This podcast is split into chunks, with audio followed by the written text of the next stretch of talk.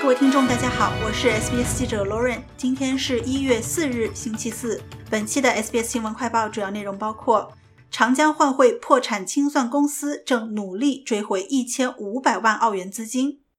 悉尼爆发军团病，已有七人感染；特朗普向美国最高法院提出上诉，以保留初选资格。据澳洲金融评论报道，破产清算公司正竭力查找据称由长江换汇持有的一千五百万澳元客户资金。该换汇公司被称为澳洲最大洗钱团伙之一，在全澳多个城市都开设了换汇门店。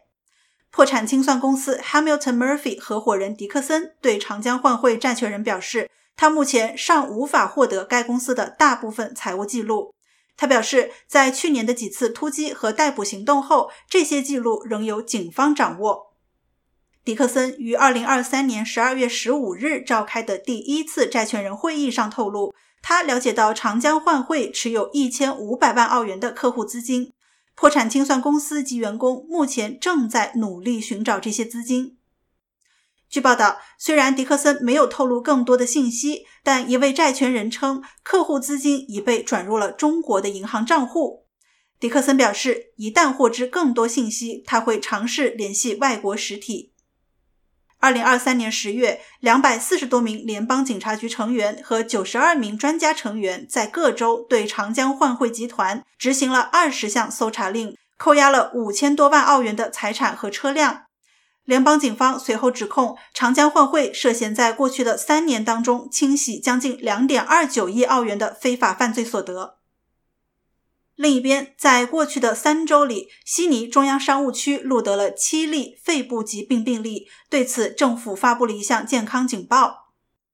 军团病又名退伍军人症，是由嗜肺军团菌引发的非典型肺炎。症状包括发热、寒战、咳嗽和呼吸急促，还可能导致严重的胸部感染，如肺炎。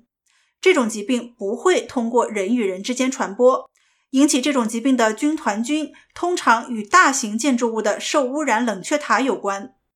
悉尼大学传染病专家罗伯特·布伊教授对九号频道表示：“老年人、吸烟者或患有肺病的人必须格外谨慎。”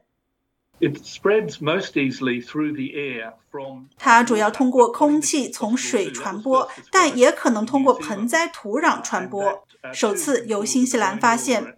这也可能导致肺炎或类似流感的疾病。这是一系列被称为军团菌的细菌，它们彼此相关，都可能引起问题。最常见的传播方式是通过空调，但也可以通过盆栽土壤传播。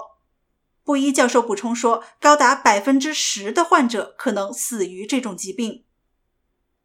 国际方面，前美国总统特朗普在科罗拉多州最高法院取消其在该州共和党初选资格之后，请求美国最高法院干预。科罗拉多州高院这一决定是对特朗普参与策划袭击美国国会的反应。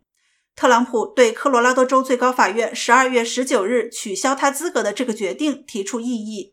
此前，该院根据美国宪法的规定，禁止参与叛乱或叛乱行为的任何人担任公职。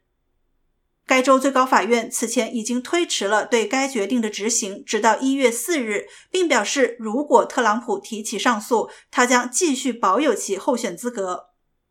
特朗普在一月三日提交的上诉申请将呈交给美国最高法院，而该机构拥有六比三的保守派多数。其中包括特朗普在担任总统时任命的三名法官。